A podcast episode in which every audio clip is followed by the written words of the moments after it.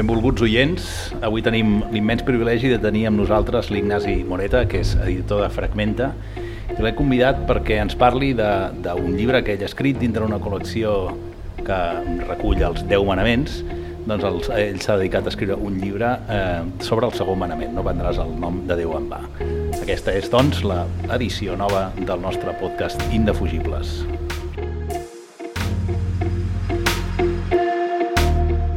Indefugibles, el podcast de la Càtedra d'Ètica i Pensament Cristià de l'IQS, amb Xavier Casanovas i Oriol Quintana.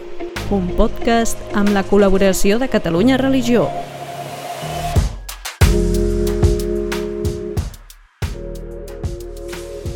Bé, l'Ignasi Moreta no sé, no sé si necessita molta presentació, eh, és un editor brillant, eh, la, seva, la seva editorial Fragmenta doncs, es dedica a fer llibres una mica amb l'esperit d'acostar-se al fenomen de la religió des de, des de fora, des de dintre i des de fora, però sobretot mm -hmm. des de fora, i bueno, doncs, en el seu moment va rebre un premi al millor editor jove de l'any i des d'aleshores doncs, és una editorial, en fi, llegida en l'àmbit de Catalunya, també publiquen en castellà.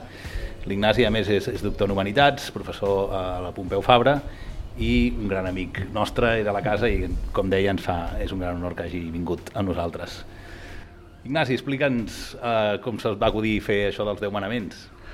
Bé, eh, tenim, tenim un llistat de 10 manaments que ens arriba culturalment a través dels catecismes, manuals de doctrina, la transmissió, que encara existeix, la transmissió eh, del missatge que promou l'Església, i, i una mica l'inquietud és veure si aquest llenguatge religiós que hem heretat, si encara ens serveix encara ens serveix per pensar la condició humana. Eh? Per tant, no, és un, no fem llibres per alimentar una determinada experiència creient, no fem llibres per moralitzar, no fem llibres perquè la gent eh, pensi o actuï d'una determinada manera, fem llibres per pensar.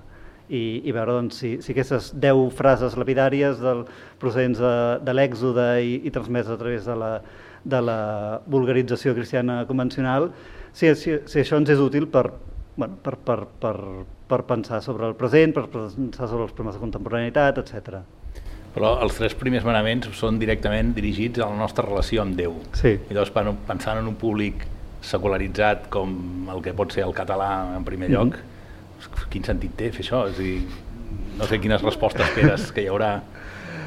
Home, quin sentit té? Eh, I creiem o no, Déu segueix sent una referència ineludible en la nostra cultura. No podem no podem desconèixer la importància que ha tingut el monoteisme en la configuració de les nostres societats. Per tant, una reflexió a fons sobre el primer manament, que és reflexionar sobre aquest pas del politeisme al monoteisme, no tindràs altre Déu eh, que ja ve, no, eh, estimaràs Déu sobre totes les coses, no? aquesta contraposició entre un Déu únic i totes les coses, no? reflexionar a fons sobre això té, té un sentit avui no? i que ho faci un, un filòsof eh, com Jordi Graupera doncs té, té el màxim interès. Mm -hmm. Aquest eh, llibre teu, el, de, el del segon manament, mm -hmm. no prendràs el nom, el nom de Déu en va, eh, tu l'abordes, aquest manament, des d'una perspectiva molt concreta, no? Quina, quina és? Jo parteixo de la base que aquest manament és un, una mena de d'antídot que té la pròpia religió contra si mateixa. És a dir, la religió ens adverteix eh, ja des del decàleg, per tant, des d'uns suposats manaments de Déu, del perill d'instrumentalitzar Déu, del perill de fer servir la religió al servei de manies humanes. El, cada, cop que el, cada cop que algú diu eh, és que la voluntat de Déu és o és que Déu vol que mm, estem en seriós perill d'atemptar contra el segon manament, eh, d'atribuir a Déu el que són manies humanes, d'atribuir a Déu el que són eh, comportaments que nosaltres desitgem, però que, sobre els quals Déu doncs, no sé si s'hi ha pronunciat amb la claredat amb què, amb què ho fan els que se'n senten representants. No? I per tant, aquest toc d'alerta de compte, no instrumentalitzem Déu, si Déu és Déu, deixem-lo ser Déu, eh, això la mateixa tradició judeocristiana des, de, des dels deu manaments ens adverteix. Jo crec que això és bonic, eh, subratllar-ho. No?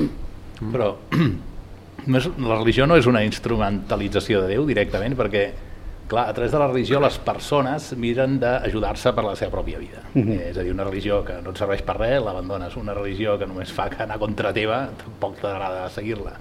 O sigui, necessites, els homes necessitem construir una religió entesa com un pont cap al transcendent que, que ens serveixi. I també en el teu llibre dius que hi ha una certa, ara ho acabes de suggerir, hi ha una inadequació entre què és Déu o què uh -huh. sigui Déu i el que som els homes. No? Com, com fem per tenir una religió que no sigui en absolut una instrumentalització de Déu per, per les nostres finalitats? Clar, la, les, les religions les construïm els humans. No? Les religions són, són realitats humanes però mm, que es presenten a si mateixes com a inspirades per Déu. No? I per tant, ningú, ningú diu vaig a inventar-me una religió nova i, i, i aquesta religió ve de mi, sinó que, que, que tot fundador de religió doncs, sent que està transmetent alguna cosa que ve eh, de fora d'ell, no? i per tant se sent instrument, instrument de Déu i no, i no creador d'un determinat tinglado. No? En la mesura que una religió vol sentir-se instrument de Déu eh, i per tant doncs, que d'alguna manera recull alguna cosa que li és donat, eh, aquest, aquest mediador ha d'intentar transparentar al màxim i, i per tant ser l'instrument de Déu, no utilitzar Déu com a instrument per, per, uh, per, fer, per difondre les seves manies. No? Eh, llavors aquí tenim, aquí tenim el, el dubte, és a dir, Clar. fins a quin punt el, un, un, un fundador, un predicador està sent instrument de Déu o està utilitzant Déu com a instrument. Mm -hmm. I, I tens algun criteri tu per, per dir, uh, uh esto no, no cola, uh, això aquí ens estem passant? Uh, Xavier Meloni parla dels criteris de, de discerniment, no? això és molt ignasià. Eh, I un criteri de discerniment és això t'autocentra o et descentra jo crec que és un criteri que és interessant. No? Allò t'autocentra, et posa, et posa al, al centre o això et fa veure que el centre l'has de posar en l'altre, en els altres, en les altres coses. No? Mm, és un criteri. Mm -hmm. El que passa és que, clar, aquesta posició que tu esgrimeixes, no? a vegades pot arribar a ser fins i tot, no sé com dir-ho, un puntet, podríem dir elitista, no? en, en el sentit de que Bueno, tu poses l'exemple, no? crec, de la, del, del debat que es dona entorn a la, a la pregària de petició, no? Mm -hmm. aquest del, del Torres Queiruga, no? I, i jo recordo haver-lo escoltat aquí a Barcelona ja fa uns quants anys.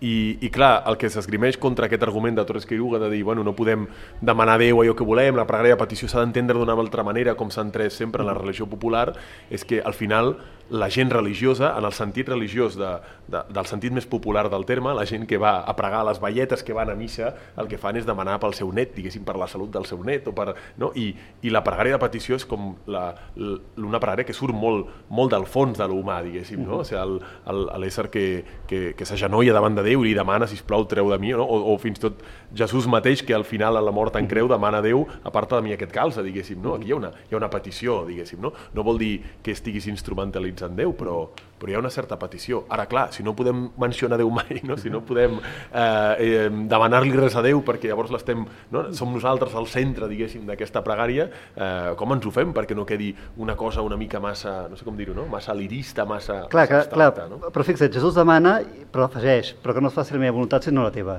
No? I, I en el Pare Nostre facis la teva voluntat. No? És a dir, Uh, i, I crec que Torciruga en aquest punt també és molt fi, eh? perquè uh -huh. ell, ell, ell diu, no, no, es, es poden demanar coses, eh? l'únic que hi ha d'haver aquesta consciència de uh, la parella no serveix per, per uh, aconseguir torça la voluntat de Déu, que Déu faci el que jo vull, sinó per, per, per jo disposar-me a, a, a fer el que Déu vol, no? que no es faci la teva voluntat sinó la teva. Per tant, la crítica de la petició per mi és profundament cristiana, és a dir, des d'una comprensió recta de, i fins i tot és un estudi del que és la pregària a Jesús, el fet que afegeixi sempre mm, no es faci la meva voluntat sinó la teva, jo crec que això dona, dona, dona molta força al, a les crítiques de Torres Quiruga a la pregària de petició. Clar, elitisme. Eh, entenc, entenc la crítica i és la crítica, no sé, una vegada amb un, amb un amb un arcabisbe eh, jubilat també li, li explicava com entenia jo les coses, i deia, no, no, està molt bé, està molt bé, però jo com explico això a, a la gent, no? Eh, sí, el que passa és que la gent tampoc és idiota. No? I jo crec que, jo crec que hem d'aspirar a pujar el nivell, no a baixar-lo. No? I que les predicacions dels capellans han de ser per pujar el nivell, no per baixar-lo. I que de la mateixa manera que, que tots ens autoexigim en molts àmbits, doncs en regió també. En regió no, no ens hem de conformar amb la catequesi de primera comunió, coses banals, no? i això t'hi trobes molt gent que, que, que parla amb, de forma molt sofisticada quan et parla de literatura, et fa anàlisis sofisticats, seriosos, o quan et parla de filosofia, o et parla d'antropologia, i en religió sembla que, que, que llavors et, et parlen amb el nivell de, de, de la categoria de primera comunió. No, no. La religió té, té, té també la seva entitat, té també la seva, la seva sofisticació, i per tant hem de, hem de, hem de pregar com es feien rogatives eh, al segle XIX? Doncs no. Doncs no, eh, hem entès que, que la religió no va d'això. I jo crec que forma part de la feina de, de, dels predicadors, dels capellans, dels jerarques, eh, explicar que, que hem de baixar el nivell. I, I això no és elitisme, això és, és, és aspirar a una condició humana una mica més, més madura. No sé. Però jo critico això, eh? perquè jo, jo crec que, a veure, com t'ho diria? O sigui, jo, ara parlant de mi mateix, perdoneu el mal gust, eh, jo, crec, jo veig que conviuen amb mi als diversos nivells. És a dir, jo, jo veig lícit encara eh, pujar a, a Montserrat perquè un ha fet una promesa i, i això ho he fet jo, però eh, en part perquè és la tradició i també perquè és religió 1.01, és a dir, que, que la teva formació cristiana i el teu haver llegit molta teologia i molta filosofia no, no cal que interfereixi en el més bàsic de la religió, que és... Perquè al final, quan fas un vot i puges a Montserrat, vale que estàs volent alguna cosa a Déu, però com deies abans, també estàs eh, creant en tu la, la consciència, almenys fins a cert punt hauria de ser així, de, de que estàs en mans de Déu i que no, no, no, i que Sí, coses- o sigui... Si, Però si és... que no, no ens ho podem carregar tot, no? No, no, es pot no, matar tot el que és gras. No, o sigui, si la pregària et, et, i fins i tot un, un compliment d'una promesa, un vot, etc. si t'ajuda a ser conscient de la indigència de l'ésser humà i, i de la necessitat que tens d'auxili, està bé, i és una actitud religiosa honesta i, i, i, i, i seriosa i molt digna, no? El problema per mi ve, de, ho he vist per exemple, un catàleg de filosofia, no diré noms, eh, però una per- persona per tant sofisticada, un professor universitari, i que de cop t'explica la seva esfera religiosa privada i t'explica una pietat d'estampeta. A mi això em grinyola. És a dir, no, entenc que no pot ser. No, no, no, no, pots, no pots tenir un, un alt nivell intel·lectual quan parles de filosofia i una pietat d'estampeta en el sentit més banal del terme quan parles de religió. Hi ha d'haver una mínima hi ha d'haver una mínima autoexigència, és a dir, eh, està bé pujar a Montserrat però, eh, mm, perquè has fet un vot i, i ets conscient de la humana, però també has de saber que hi ha el perill que això ho redueixis a un deut d'és. Et dono perquè em donis, em sacrifico perquè tu a canvi m'atorguis aquesta gràcia que jo et demano. I això és una religió degradada. Llavors, tu n'has de ser conscient dels perills que té una determinada manifestació eh, de pietat. Llavors, si, si, si n'ets conscient i ho fas amb plena consciència, doncs d'acord, però, però si resulta que simplement t'infantilitzes a l'hora de pregar, i llavors ets un gran intel·lectual en uns àmbits i a l'hora de pregar t'infantilitzes, aquí alguna cosa no, no, no fem bé. Curiós perquè jo sé d'alguns autors cristians molt seguits que demanen exactament això, que quan preguis t'infantilitzes. Jo crec que, jo, jo, I- jo crec que, que, ha de ser una infantilització espiritual, però no mental, diríem, no? D'alguna manera la teva actitud ha de ser la del nen. In, eh, això, in- inerme, diríem, davant de la realitat, perquè al final ho estem tots, de... però clar, no pot ser que intel·lectualment. O sigui, la consciència de meravella i la consciència que et supera i la consciència que Déu és més gran, evidentment, això, això, sí, això està molt bé. Però, però si això et du a, a, a l'estampeta, doncs, doncs no. Ja, ja, ja. Doncs no. Llavors sí, el fer el carbonet. Hi, ha- hi ha moltes justificacions, la religió popular, o sigui, eh, les argumentacions en favor de, de, de no elititzar la religió i de no fer una religió per intel·lectuals, ja, ja me les sé totes aquestes crítiques, però mm, no ho sé, no m'acaben de convèncer. Crec que hem d'aspirar a una societat més culta i, i, i, més, i més madura i més autoexigent, també en religió.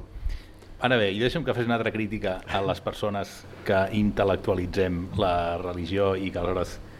El problema és que aleshores ens costa les formes tradicionals i, i, i llavors a mi també em sembla això que deies abans d'estar molt autocentrat. És a dir, si jo vaig a una missa horrorosa, dita per un capellà moribund, perdó, perquè té una edat molt avançada, que a més predica coses molt carques o molt tradicionalotes que ja fa temps que no, no te les creus i que no et serveixen.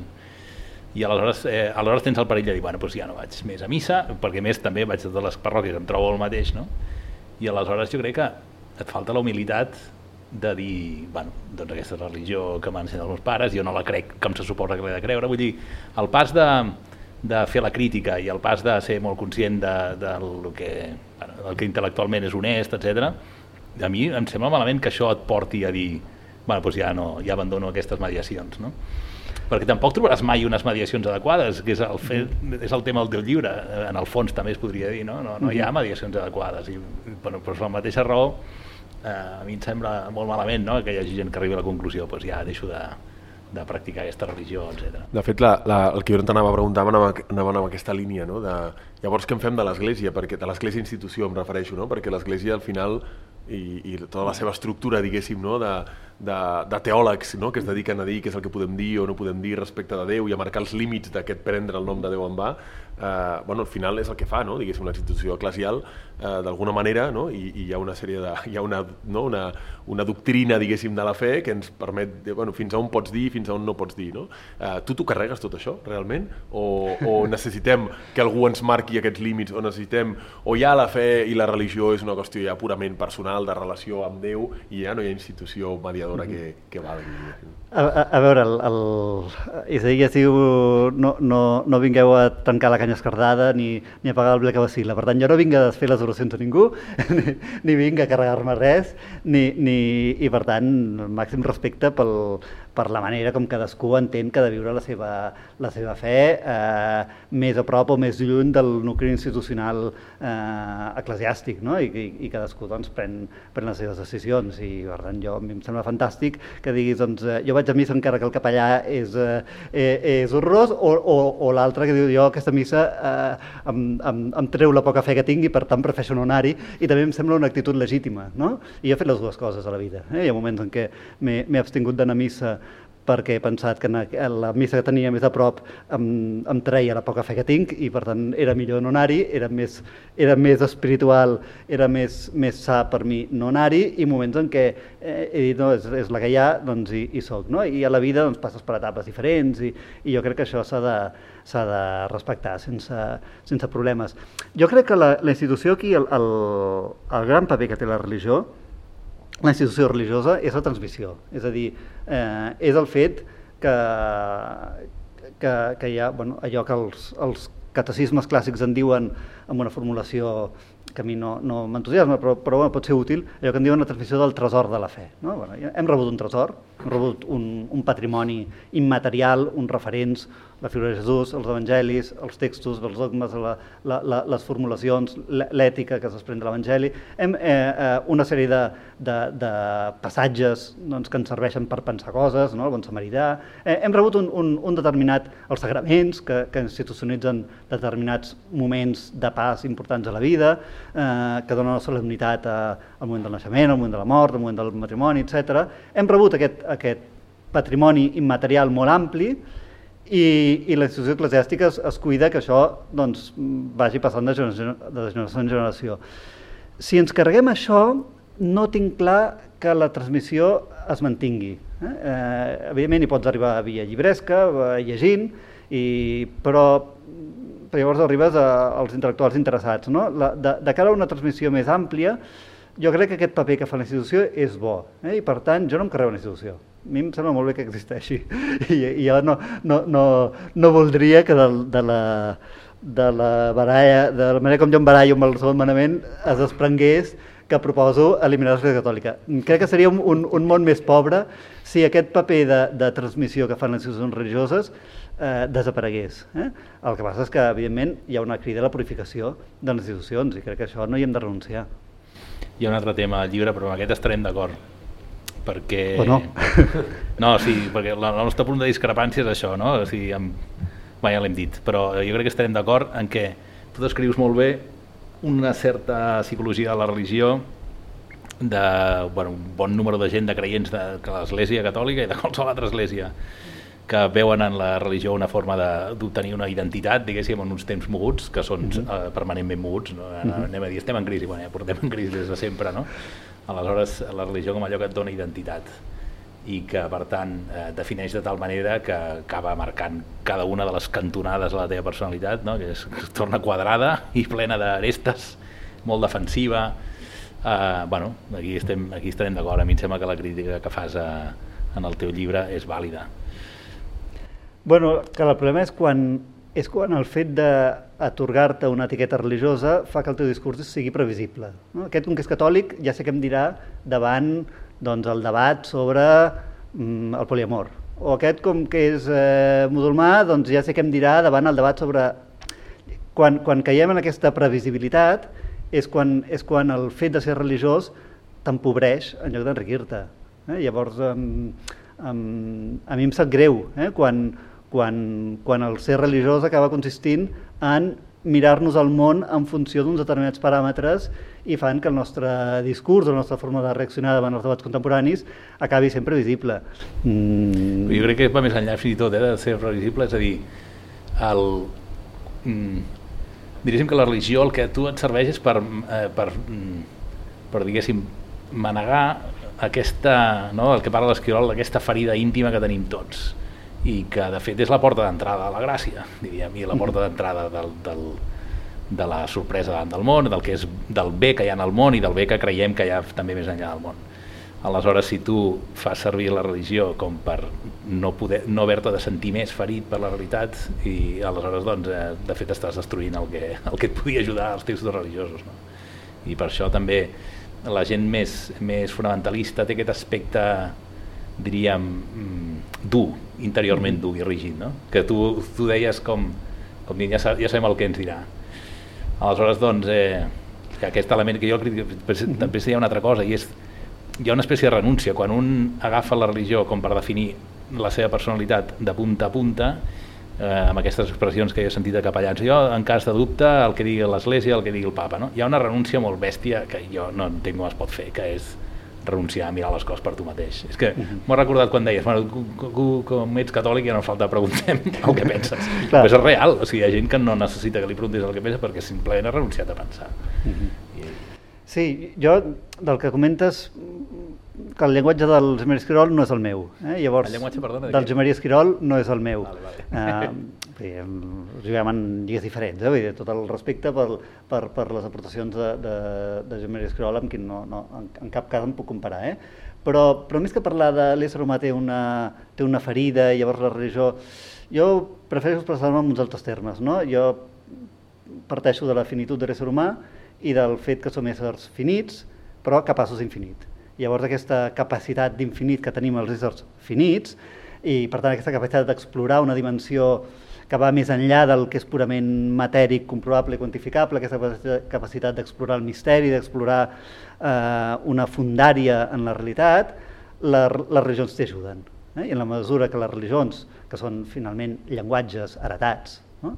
Gramàtiques, no? en la mesura que les regions t'ajuden a aquesta exploració, en la mesura que tu estàs obert, però hi ha gent que no està oberta, no, no, no hi ha més que, que crema i aquí hi ha matèria i no hi ha res més. Bueno, doncs, doncs si, si no estàs obert a explorar aquesta dimensió d'infinit que tenim, doncs, doncs potser la regió no et diu res.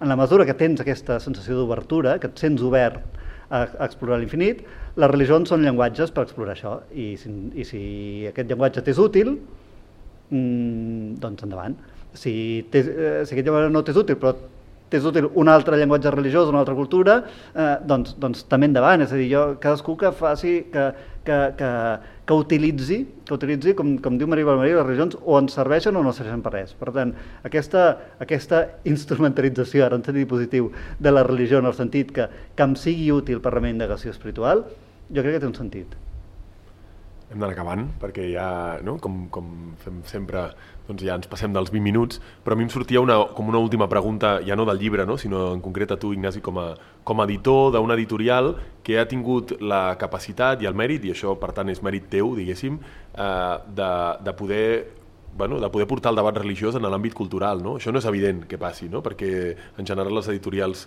crist... Mm, religioses, diguéssim, la majoria d'elles a casa nostra històricament cristianes, eh, pues eren editorials dedicades a la pastoral, dedicades mm a una mirada, diguéssim, no? eh, clarament podríem dir-ne fins i tot apologètica, diguéssim, de la proposta cristiana i, i, i no tenia aquesta mirada i aquesta aproximació cultural. No? Jo crec que ha fet molt de bé la, la teva editorial a una Catalunya altament secularitzada mm perquè hem pogut tornar a parlar parlar de religió o d'espiritualitat sense la cotilla d'haver-nos d'afirmar en la fe uh -huh. contínuament. No?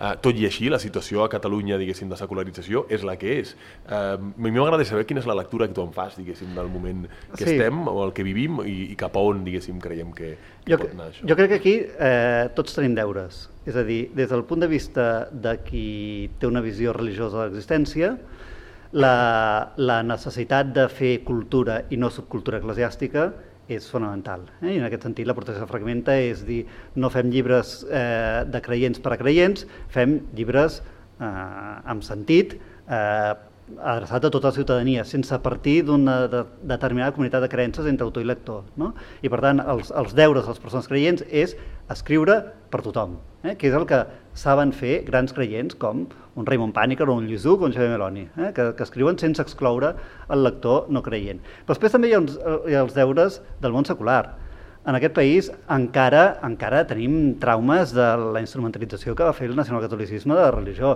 i encara et fan pagar a, a persones que hem nascut, com és el meu cas l'any 80, et fan pagar la instrumentalització que Franco va fer de la religió. Dius, mira, escolti'm, el que jo presento no té res a veure amb això. Sap? O sigui, si vostè té traumes perquè van el, el, els capellans que hi havia prop de la seva família eh, van torturar la seva consciència i li van fer tenir escrúpols per, per ximpleries, doncs resolgui els seus traumes, però, però, però, però no, no, no, la religió és una altra cosa. No?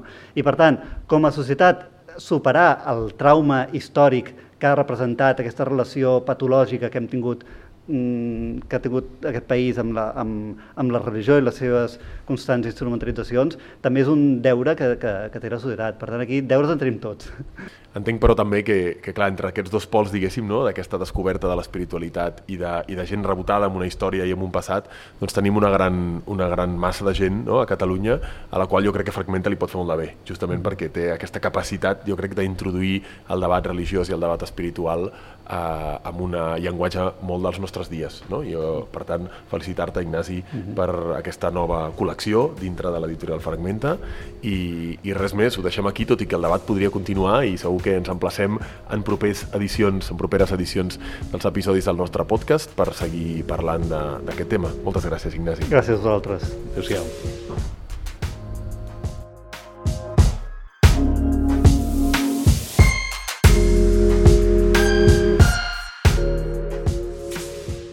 Catalunya Religió